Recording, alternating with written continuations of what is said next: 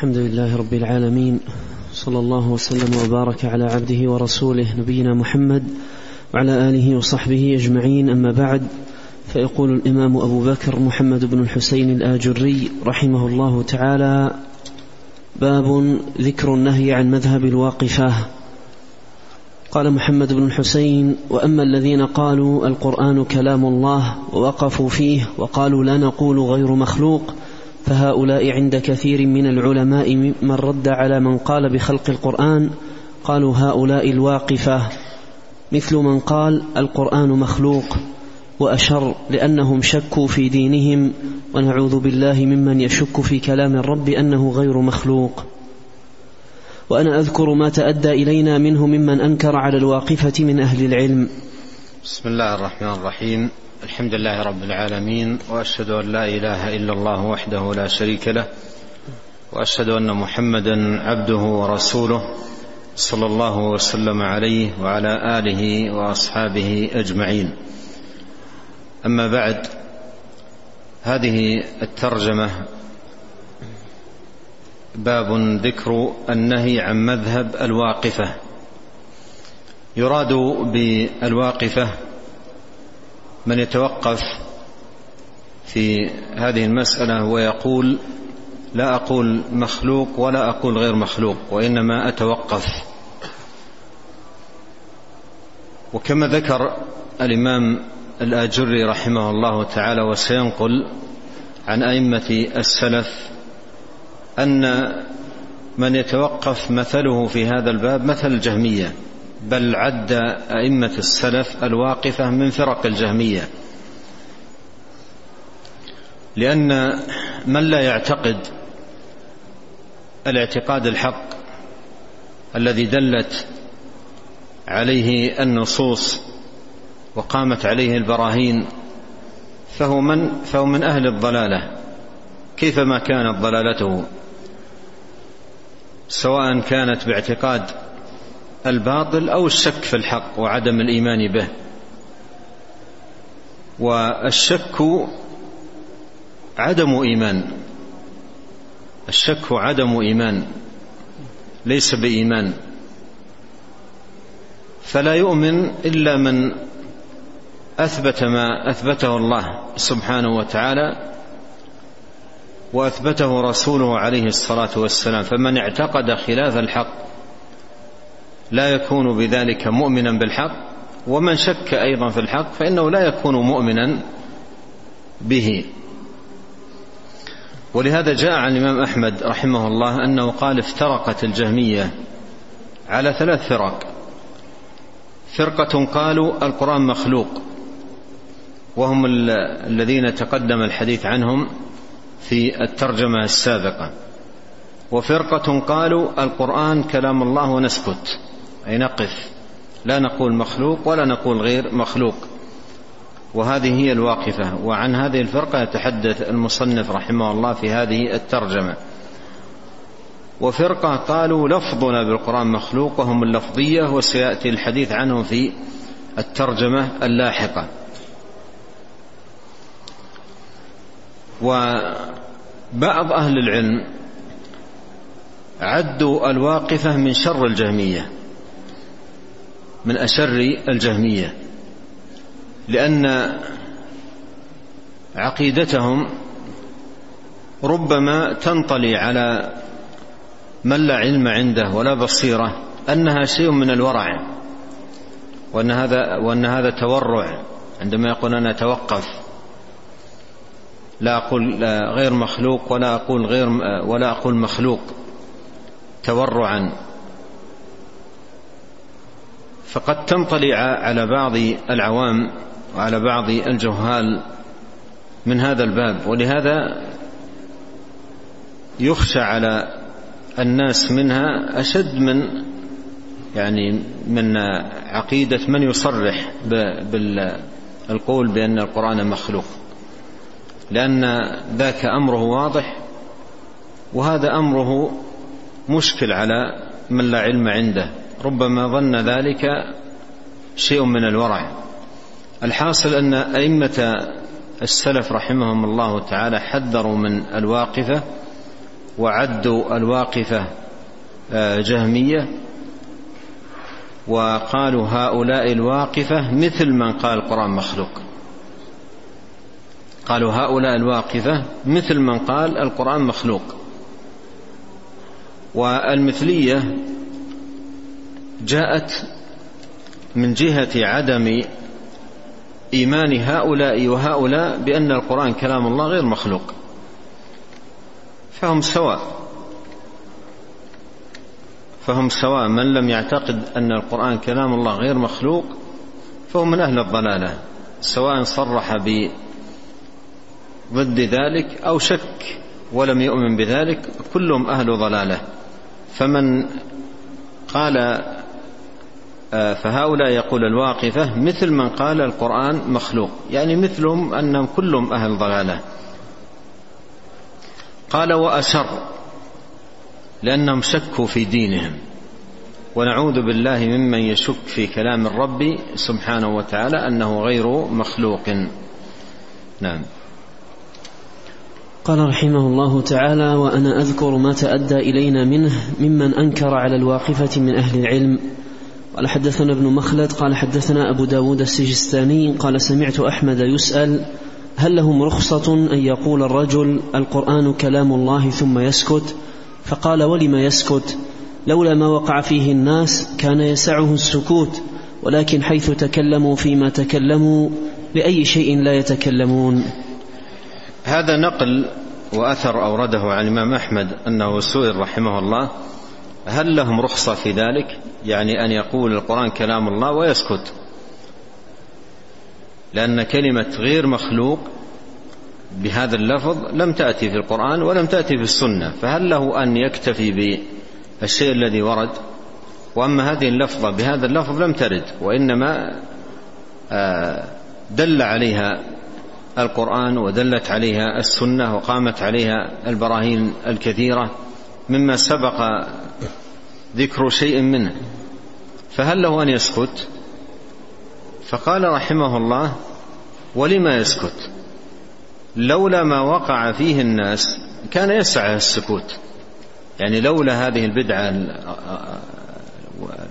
والمقالة الضالة مقالة الجهمية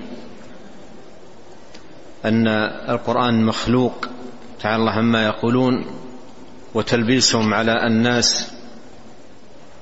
لولا ظهور هذه المقالة كان يسعى أن يقول القرآن كلام الله لأن بقي على الأصل معتقد الحق.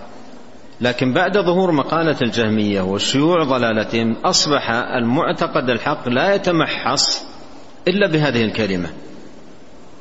لا يتمحص إلا بهذه الكلمة فأصبحت هذه الكلمة جزءا من المعتقد لا بد منه. لأن لأن المعتقد لا يتمحص إلا بها. ولا يظهر سلامة إلا بها. قال لولا ما وقع فيه الناس كان يسعه السكوت.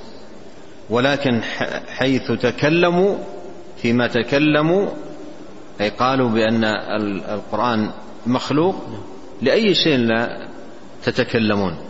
أي بالصدع بالحق وما يكون به رد ضلالة هؤلاء وباطلهم. نعم. قال محمد بن الحسين رحمه الله تعالى معنى قول أحمد بن حنبل في هذا المعنى يقول لم يختلف أهل الإيمان أن القرآن كلام الله تعالى. فلما جاء جهم بن صفوان فأحدث الكفر بقوله القرآن مخلوق لم يسع العلماء إلا الرد عليه. بأن القرآن كلام الله غير مخلوق بلا شك ولا توقف فيه. فمن لم يقل غير مخلوق سمي واقفيا شاكا في دينه. نعم يعني هذا بعد ظهور مقالة الجهمية من لم يصرح بأن القرآن كلام الله غير مخلوق يتوقف في في هذه الكلمة فهو شك في دينه. وعدم قوله بأن غير مخلوق هو ناشئ عن تأثر بمقالة الجهمية. ناشئ, ناشئ عن تأثر بمقالة الجهمية. أثرت فيه هذه المقالة فتوقف في التصريح بالحق الذي هو أن القرآن كلام الله غير مخلوق فأثرت فيه مقالة الجهمية. ولهذا كما تقدم عدت الواقفة فرقة من فرق الجهمية. نرجع قليلا إلى رقم 175 اقرأ. قال حدثنا أبو الفضل جعفر بن محمد الصندلي قال حدثنا الفضل بن زياد قال حدثنا أبو طالب قال قال لي أحمد يا أبا طالب ليس شيء أشد عليهم مما أدخلت علي من قال القرآن مخلوق قلت علم الله مخلوق قالوا لا قلت فإن علم الله هو القرآن. آه هذا هذه اللفظة هنا يعني غير واضحة. قال لي أحمد يا أبا طالب ليس شيء أشد عليهم مما أدخلت علي. من قال العبارة غير واضحة. ورجعت إلى الإبانة. لابن بطة العكبري رحمه الله ووجدته نقل هذا الأثر والعبارة فيه واضحة. قال قال لي الإمام أحمد يا أبا طالب ليس شيء أشد عليهم مما أدخلت عليهم. حين ناظروني قلت لهم علم الله مخلوق؟ فقالوا لا إلى آخر الكلام. ليس شيء أشد عليهم مما أدخلت عليهم حين ناظروني. قلت لهم. وبهذا تتضح العبارة. أما العبارة التي هنا في آه، بين أيدينا في كتاب الشريعة غير واضحة. وجدته في كتاب الإبانة وقبل قليل وأنا آتي إلى الدرس أحد الأفاضل من الطلاب أيضا أحضره لي من كتاب الإبانة. فجزاه الله وجزاني خيرا وجزاكم أيضا. أعطنا الأثر الآخر اللي بعده توقفنا فيه. 176 178 178 آه، في آه، فيه آه، قال وسر بذلك قلت يا أبا عبد الله أليس هو كما قال؟ قال بلى. ولكن هذا الشيخ دلنا عليه لوين؟ على شيء لم نفطن له. العبارة أيضا غير واضحة. وجدت الأثر عند آه، ابن بطة في الإبانة. قال الفضل بن زياد قال الفضل بن زياد فدخلت على أحمد وقد كنت حضرت مجلس لوين. فقال يا أبا العباس حضرت مجلس هذا الشيخ؟ قلت نعم. قال وسمعت منه ما احتج في القرآن؟ قلت نعم. قال سبحان الله كأنما كان على وجهي غطاء فكشفته عني. فكشفته عني. وجاء في السنة الخلال عن عبد الله بن الإمام أحمد قال قلت لأبي إن لوينا محمد بن سليمان يقول أول ما خلق الله القلم والله عز وجل لم يزل متكلما قبل أن يخلق القلم فأعجبته فأعجبه هذا واستحسنه. فالكلام هنا للوين الذي هو محمد بن سليمان. والاستدلال بقوله أول ما خلق الله القلم في إبطال مقالة الجهمية استدلال من هذا الرجل الذي هو لوين محمد بن سليمان الأسدي. نعم.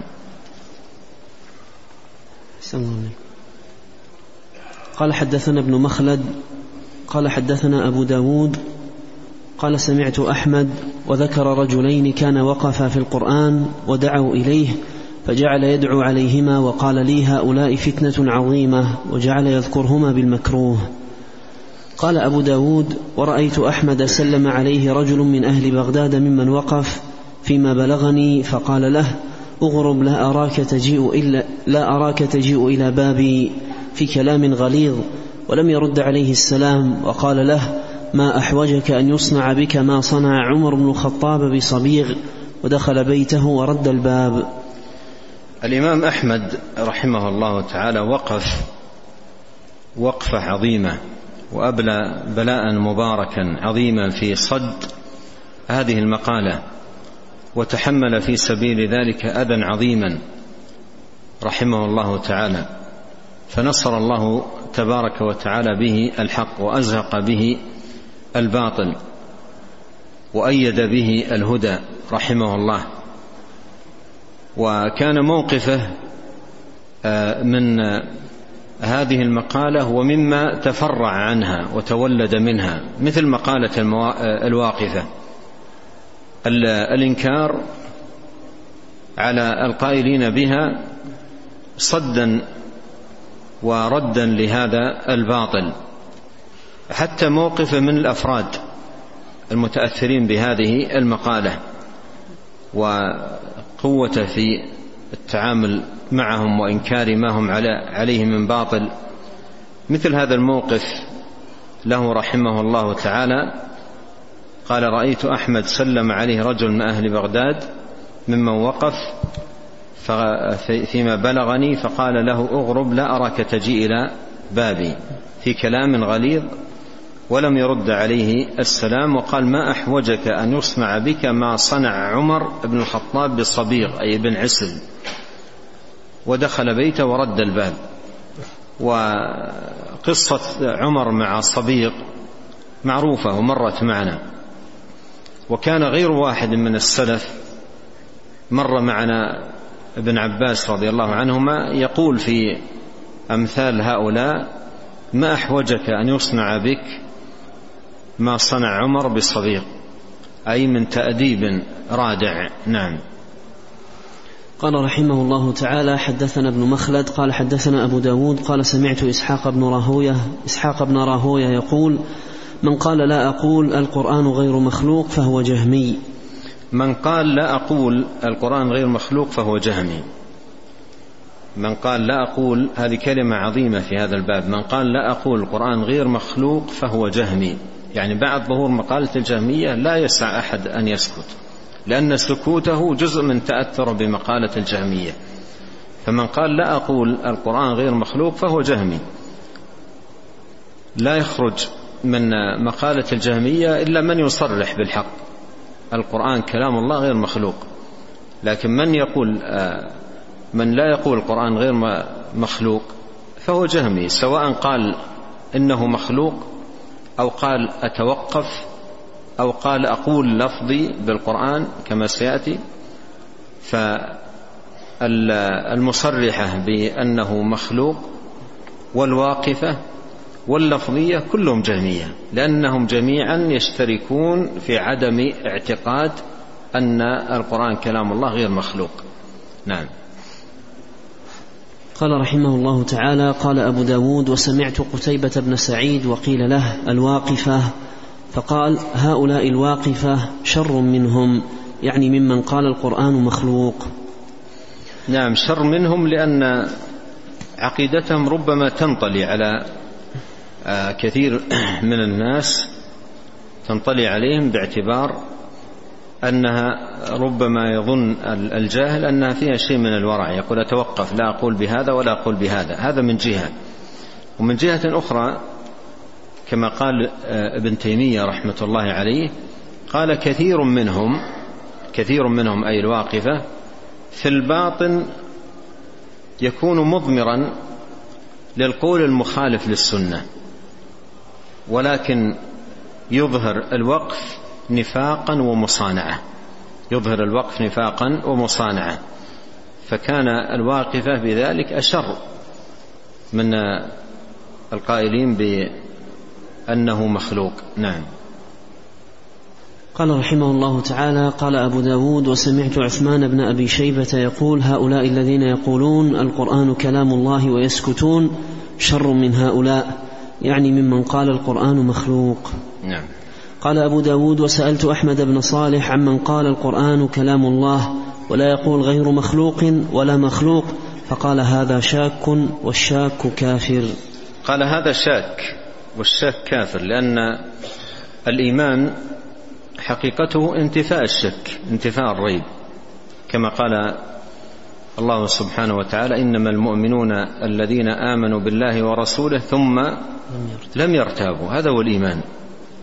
الإيمان انتفاء الشك فإذا وجد الشك لا يكون إيمانا. نعم.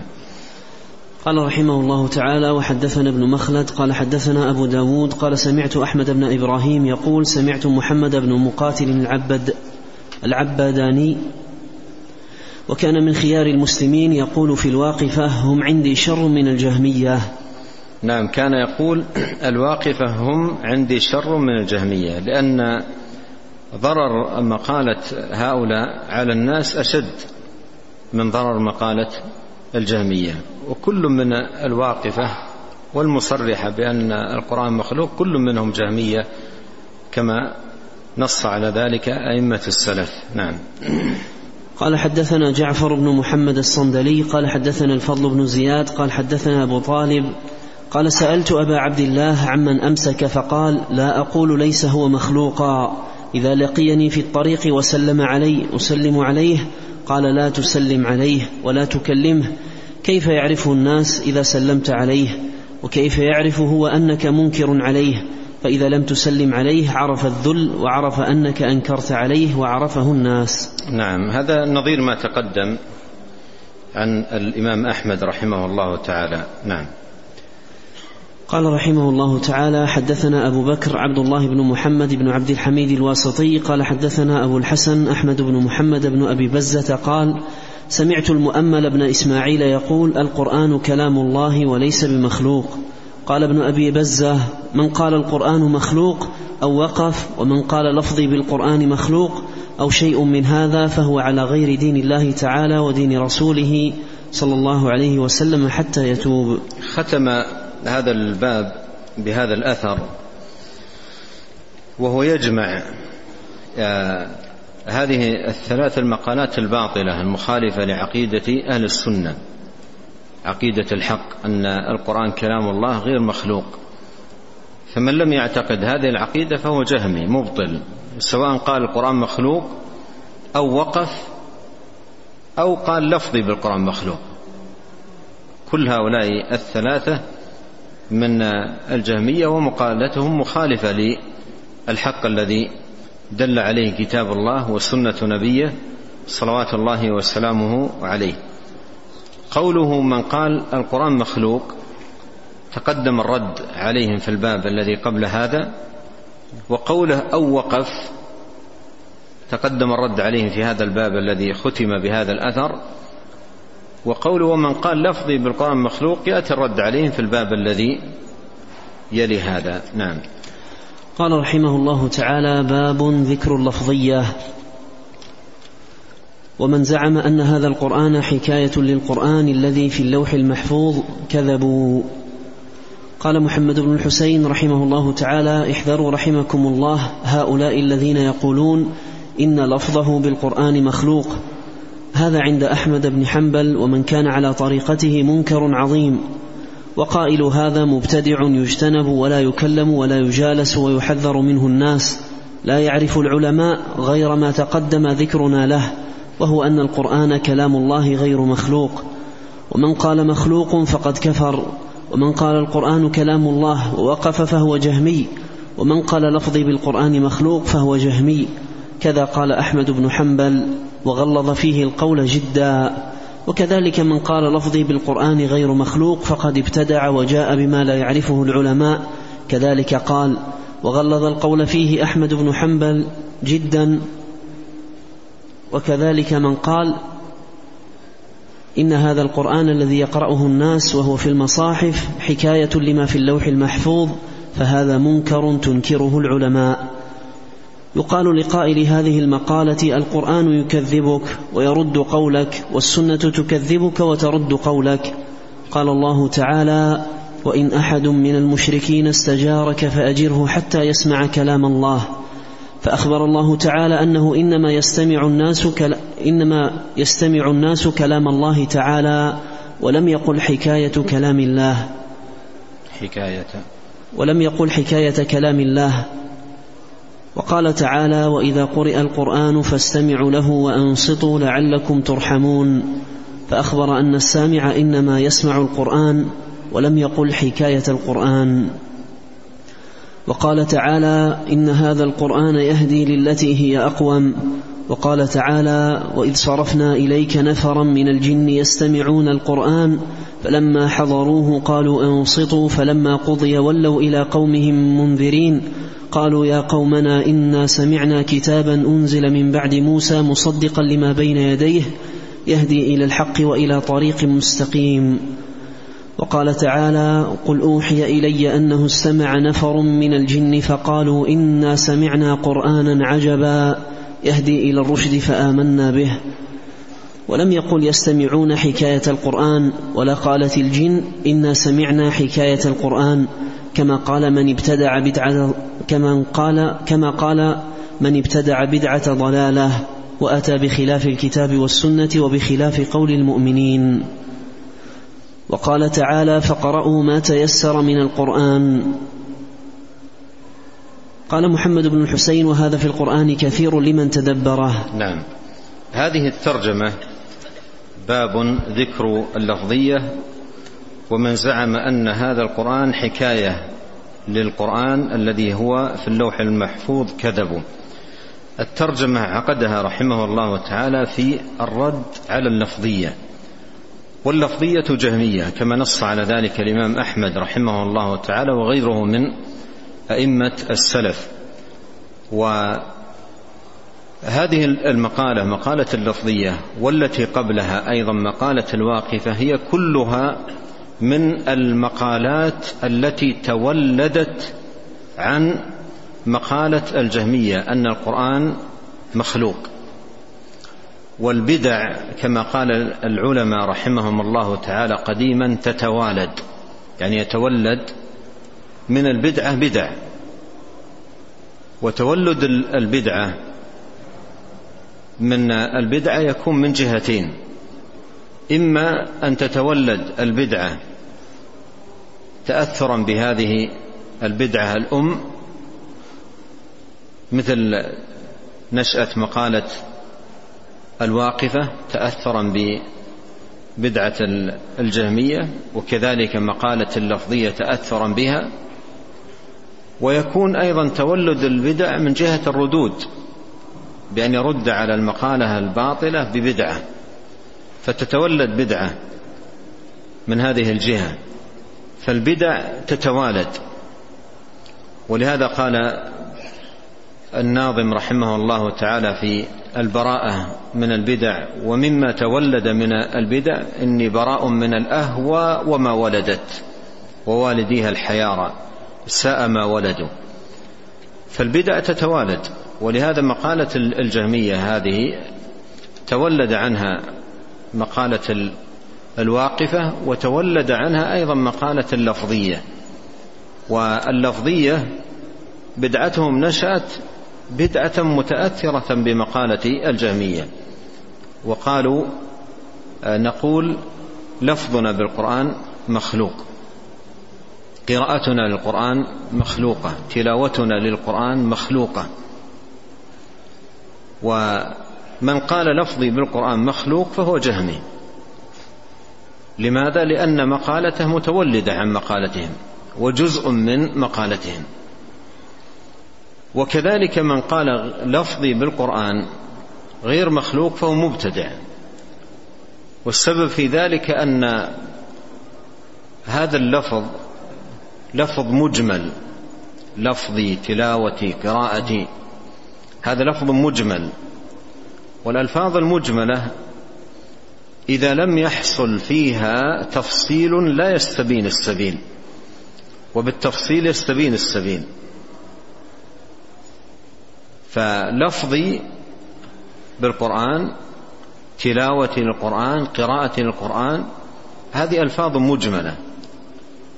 تحتمل المتلو المقروء الملفوظ وتحتمل الفعل فعل العبد الذي هو صوته وحركة لسانه. تحتمل هذا وهذا. ولهذا من يقول لفظي بالقرآن مخلوق يدخل تحت قوله لفظي بالقرآن مخلوق الملفوظ المتلو المقروء الذي هو كلام الله. فعاد قوله إلى قول الجهمية. ولهذا قال أئمة السلف رحمهم الله تعالى اللفظية جهمية. اللفظية جهمية. وإذا قال لفظي بالقرآن غير مخلوق لفظي بالقرآن غير مخلوق دخل في قوله لفظي بالقرآن غير مخلوق صوت القارئ وحركة لسانه وهذه مخلوقة. ولهذا قال الإمام أحمد رحمه الله وغيره من قال لفظي بالقرآن غير مخلوق فهو مبتدع. ومن قال لفظي بالقرآن مخلوق فهو جهمي. لكن بالتفصيل يستبين السبيل. ولهذا قالوا قديما أئمة السلف رحمهم الله قالوا الكلام كلام الباري والصوت صوت القارئ. الكلام كلام الباري والصوت صوت القارئ. الكلام كلام الله. والصوت صوت القارئ حركة لسانه وصوته هذا مخلوق. أما الكلام المتلو فهو كلام الله غير مخلوق. ولهذا قال الإمام أحمد وغيره القرآن أينما توجه كلام الله غير مخلوق. يعني سواء حفظ في الصدور أو سمع في الآذان أو نظر إليه بالأعين في المصاحف أو تلي بالألسن أينما توجه كلام الله. أينما توجه فهو كلام الله. ولهذا في الآية التي ساقها وإن أحد من المشركين استجارك فأجره حتى يسمع كلام الله. فهو أينما توجه كلام الله سواء تلي أو سمع أو كتب أو حفظ في الصدور أو نظر إليه بالأعين أينما توجه فهو كلام الله. نعم. قال رحمه الله تعالى وقال صلى الله عليه وسلم إن الرجل الذي ليس في جوفه من القرآن شيء كالبيت الخريب. وقال صلى الله عليه أيضا آه، الجانب الآخر في الترجمة من زعم أن هذا القرآن حكاية للقرآن. من زعم أن هذا القرآن حكاية للقرآن الذي في اللوح المحفوظ. بمعنى ينفي أن الله تكلم به. ينفي أن الله تكلم به. فهو أيضا كذب. لأن القرآن نزل به جبريل سمعه من الله. سمعه من الله سبحانه وتعالى ونزل به. نزل به إلى محمد صلى الله عليه وسلم. وإنه لتنزيل رب العالمين نزل به الروح الأمين على قلبك. لتكون من المنذرين بلسان عربي مبين. تنزيل الكتاب لا ريب فيه من رب العالمين. التنزيل من, الرب سبحانه ليس من اللوح. ليس من اللوح وإنما من الرب. فالله تكلم به وجبريل سمعه من الله ونزل به على النبي الكريم صلوات الله وسلامه وبركاته عليه. ولهذا ما قالت الجهمية هذه حتى يعني بعض القراء دخلت عليهم. يعني بعض حتى إلى إلى زماننا هذا بعض من يعطون إجازة في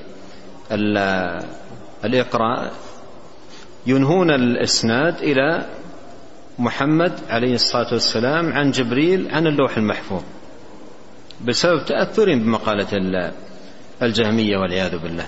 نعم.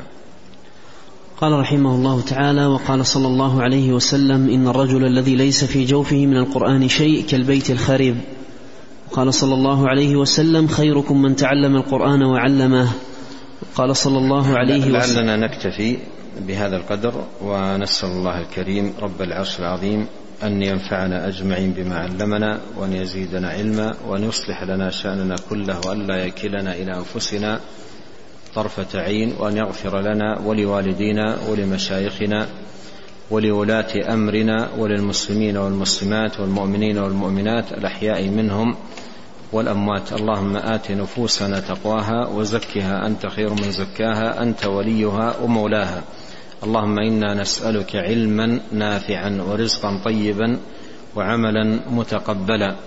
اللهم اقسم لنا من خشيتك ما يحول بيننا وبين معاصيك ومن طاعتك ما تبلغنا به جنتك ومن اليقين ما تهون به علينا مصائب الدنيا. اللهم متعنا بأسماعنا وأبصارنا وقوتنا ما أحييتنا واجعله الوارث منا واجعل ثأرنا على من ظلمنا وانصرنا على من عادانا.